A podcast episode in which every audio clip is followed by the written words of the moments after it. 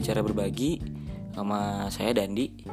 Nah, hari ini tanggal 27 Juni 2019 masuk ke episode ketiga dari Bicara Berbagi. Nah, hari ini bakalan ngobrolin tentang uh, sesuatu hal atau sesuatu pertanyaan yang sering muncul di kepala teman-teman atau orang-orang yang baru mau beres S1 atau dia udah beres S1 malahan. Apa pertanyaannya? Mana yang lebih mendingan? Kuliah dulu, kuliah lagi atau lanjut S2 atau kerja dulu? Mana yang lebih duluan harus dilakukan? Nah, hari ini mau saya mau nge-share tentang itu sih. Karena itu pertanyaan yang ada dalam pikiran saya ketika saya udah mau beres S1 Dulu saya mikirnya saya sendiri yang mikir kayak gitu Ternyata ada banyak orang yang punya pemikiran yang sama Dan ketika ada beberapa orang yang kemudian menanyakan ke saya Dan uh, gue mendingan lanjut S2 langsung atau kerja dulu ya Atau harus gimana? Gitu. Nah sebenarnya ada banyak hal sih yang harus diperhatikan dan dipertimbangkan ketika mau uh, untuk menjawab pertanyaan ini gitu. Yang pertama, ketika untuk jawaban dari pertanyaan itu yang pertama adalah kita harus tahu goals ataupun rencana dalam hidup kita tuh apa. Kita lebih ke karir sih sebenarnya, lebih ke bentuk uh, apa pilihan karir atau pilihan pekerjaan yang mau kita tekuni dalam jangka waktu panjang di kemudian hari nantinya. Karena kan karir kita bicara karir kan pasti ada progres atau kenaikan jabatan dan lain sebagainya dari awal 0 sampai 100 gitu. Nah, itu yang harus kita pikirin. Yang kedua adalah kira-kira uh, bidang karir yang kita kerjain ini memerlukan banyak muatan praktek atau banyak muatan uh, akademisnya gitu. Nah, kira-kira gini deh. Bisa dijalanin sambil praktek atau hak mengharuskan kita untuk nggak praktek dulu kayak gitu itu yang kedua deh pertimbangan kedua itu pertimbangan ketiga atau hal yang ketiga adalah finansial. Oke kita bahas satu-satu ya. Secara garis besar sih ada tiga itu. Mungkin teman-teman kalau punya masukan atau ide lain bisa hubungin saya gitu buat kita diskusin lebih lanjut. Oke kita bahas yang pertama. E, pilihan karir atau pekerjaan yang mau kita jalanin dalam waktu ke depan um, hidup kita gitu. Nah kita harus tentuin nih, rencanain dulu nih 5 tahun ke depan tuh saya mau jadi apa? 10 tahun ke depan tuh saya bakalan jadi siapa? Kayak gitu. Ya, Itu berpengaruh dengan pilihan kita Mau kerja dulu atau S2 dulu. Ini kan konteks pertanyaan adalah Mana yang harus diprioritaskan terlebih dahulu? Saya langsung lanjut S2 Atau saya harus kerja dulu baru S2 gitu. Atau saya ke saya S2 dulu baru kerja? Ini kan konteksnya bukan uh, Mana yang lebih penting ya. Itu beda ranah lagi Mana yang lebih penting. Kita bicara tentang mana yang harus lebih harus diprioritaskan. Nah, untuk menjawab pertanyaan itu, yang pertama adalah pilihan karir kita tuh mau jadi apa. Karena gini, ada pekerjaan-pekerjaan tertentu yang mengharuskan yang mengharuskan seseorang harus terkualifikasi atau berijazah S2 untuk menjadi untuk menekuni pekerjaan itu. Contohnya apa? Jadi dosen, jadi notaris, terus saya tahunya cuma dua itu sih dua itu setahu saya. Dan mungkin masih banyak pekerjaan lainnya gitu. Umumnya di dosen dan notaris. Yang saya tahu hari ini mengharuskan seseorang harus berijazah S2 gitu. Nah uh, kalau misalnya teman-teman pengen bercita-cita untuk menjadi dosen dalam usia muda katakanlah misalnya atau notaris dalam usia muda sebelum 30 tahun udah jadi notaris gitu sebelum 30 30 tahun udah jadi dosen gitu atau memulai titian karir dari muda itu sebagai dosen. Ya teman-teman berarti harus lanjut S2 langsung gitu. Harus S2 langsung. Kalau pengen memulai karir itu dengan usia yang semudah mungkin. Contohnya misalnya nih teman-teman lulus S1 tuh di umur 22 tahun. Berarti teman-teman langsung kalau teman-teman langsung lanjut S2 berarti hitunglah S2 nya 2 tahun teman-teman akan lulus di umur 24 tahun. Dan langsung jadi dosen berarti di usia 24 atau 25 tahun teman-teman udah meniti karir sebagai seorang dosen tuh. Dan itu nggak masalah nggak salah.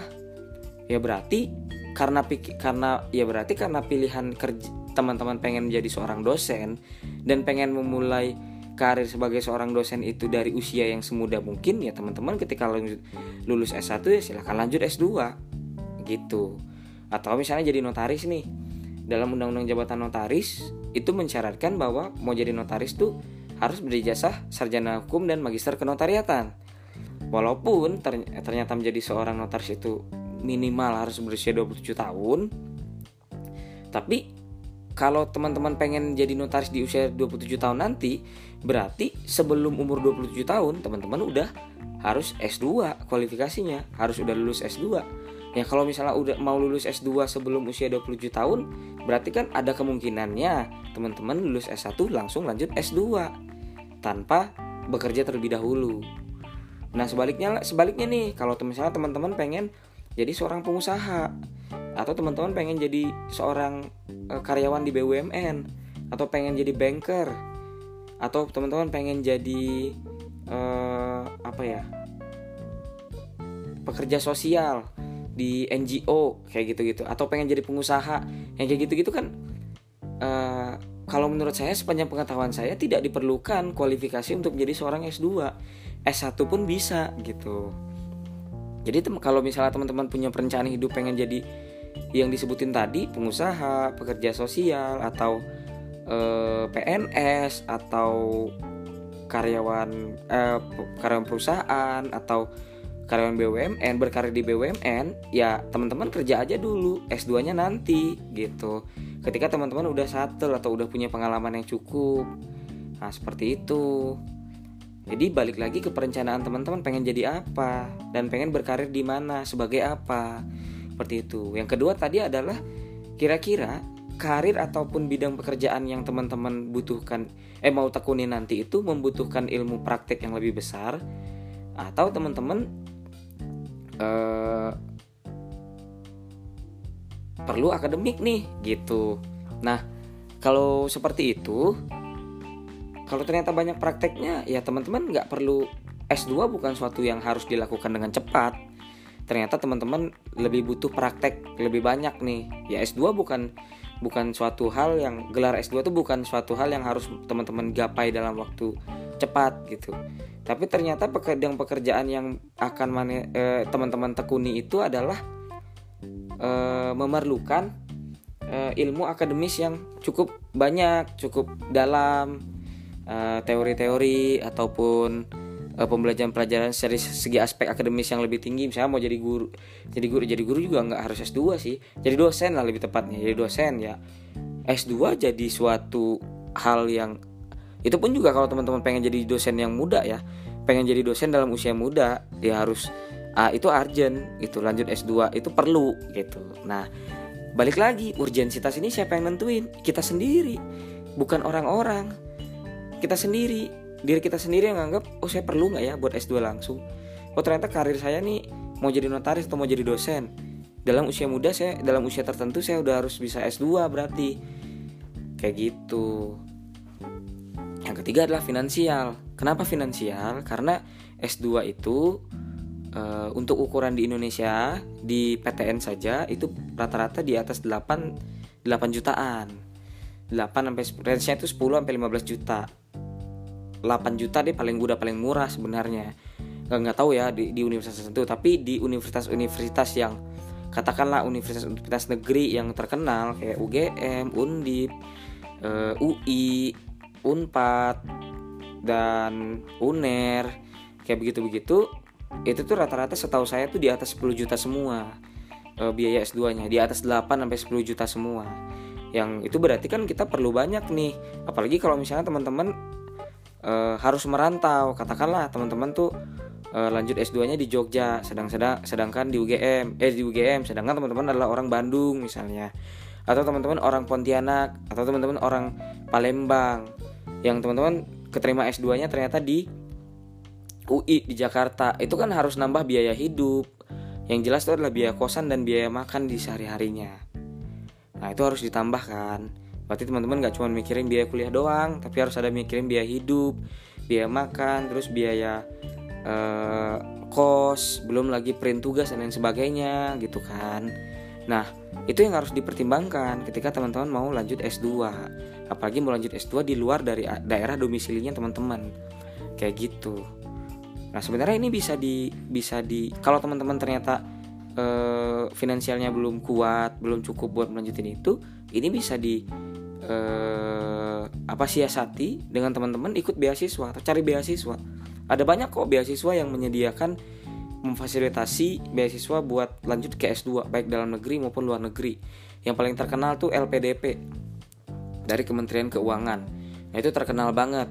Nah, tapi konsekuensinya apa? Berarti teman-teman harus benar-benar menyiapkan diri baik secara fisik maupun eh, fisik atau psikis, lahir dan batin untuk memenuhi persyaratan-persyaratan karena nggak sembarangan orang yang bisa dapat beasiswa yang namanya juga beasiswa ya kan pasti orang terpilih kan nah nggak mungkin orang yang ngasih beasiswa itu ngasih beasiswa ke orang yang kuliahnya bakalan sembarangan nggak bakalan nggak bener bakalan main-main ya nggak mungkin.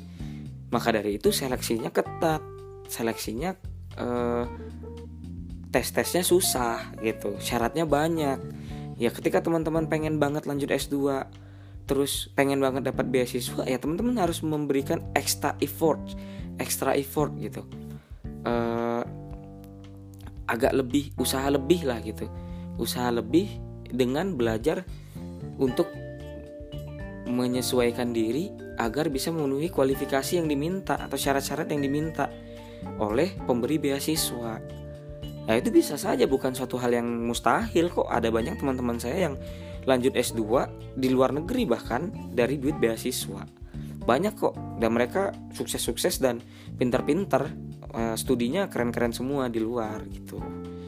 Nah ketika teman-teman ternyata eh, nggak uh, punya waktu atau agak kesulitan untuk memenuhi uh, syarat yang diberikan oleh pemberi beasiswa ya berarti nggak mau mau nggak mau kan teman-teman harus kerja kan? Atau ternyata uh, apa ya ya tanpa bermaksud apa-apa teman-teman berasal dari golongan yang tidak mampu yang ternyata uh, teman-teman mengharuskan kondisi finansial atau situasi dirinya teman-teman tuh mengharuskan teman-teman mau kerja lah kerja dulu. Ya nggak apa-apa kerja aja dulu.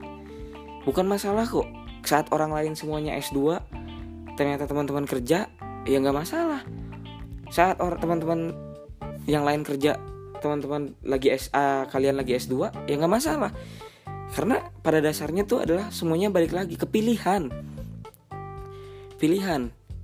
Ini bukan tentang memilih satu bukan dalam artian gini loh bukan dalam artian ketika teman-teman kerja teman-teman nggak mungkin S2 banyak kok teman-teman saya yang orang-orang yang saya kenal dia udah bekerja sekian tahun ternyata masih S2 masih menyediakan diri atau menyempatkan dirinya untuk lanjut kuliah ke S2 banyak dan ada banyak juga yang orang orang yang habis S2 justru dapat pekerjaan-pekerjaan yang ya katakanlah mapan, karirnya cemerlang dan sebagainya banyak kok.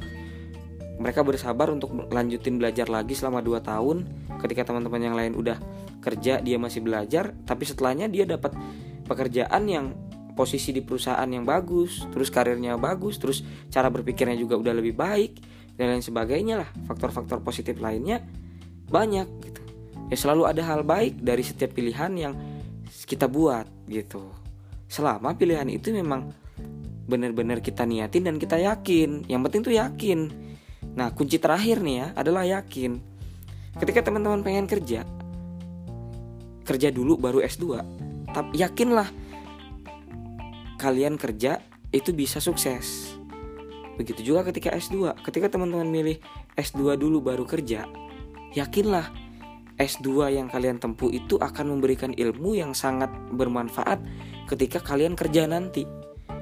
Yakin terhadap pilihan yang kita uh, pilih itu adalah suatu hal yang harus kita pegang teguh. Dan bahkan harus kita jadikan prinsip. Karena kalau kita nggak yakin, bahkan susah. Jangan seperti ini nih. Nah, ketika udah ngebahas yang tadi, ada satu hal yang mau saya bahas terkait S2 dulu atau kerja dulu? Yang pertama adalah jangan pernah berpikir buat S2 karena teman-teman nggak dapat dapat kerjaan. atau nggak diterima-terima perusahaan atau nggak keterima kerja. Jangan pernah. Yang paling ekstrim adalah teman-teman lanjut S2 karena dulunya waktu kerja punya masalah dan teman-teman ngindar dari masalah itu. Jangan pernah. Karena ketika teman-teman melakukan hal tersebut teman-teman nggak akan pernah fokus pada S2 nya teman-teman karena teman-teman hanya menjadikan studi S2 itu sebagai pelampiasan begitu juga jangan pernah eh, jangan pernah kerja tapi nggak mau berpikir buat lanjut S2 lagi. Kalau menurut saya itu jangan pernah. Karena bagi saya nggak mungkin dua teman-teman setuju ya. Investasi itu banyak. Yang pertama ada investasi berupa kebendaan. Emas lah, berlian, perhiasan, tanah, rumah, eh properti, rumah, barang-barang antik dan lain sebagainya itu investasi berupa kebendaan. Dan ada investasi berbentuk pengalaman kayak jalan-jalan ke mana, traveling dan ikut seminar dan lain sebagainya. Termasuklah lanjut S2. Melanjutkan S2, men berkecimpung dalam dunia pendidikan, itu tuh investasi berupa pengalaman dan bisa saya bilang juga sebagai human investment gitu. Investasi dalam bidang kemanusiaan. Jadi kita investasi terhadap diri kita sendiri nih karena S2 tuh bakalan ngebuka wawasan teman-teman lebih jauh. Ya secara strata juga udah lebih tinggi kan dari S1 nah seperti itu. Jadi ada dua tadi.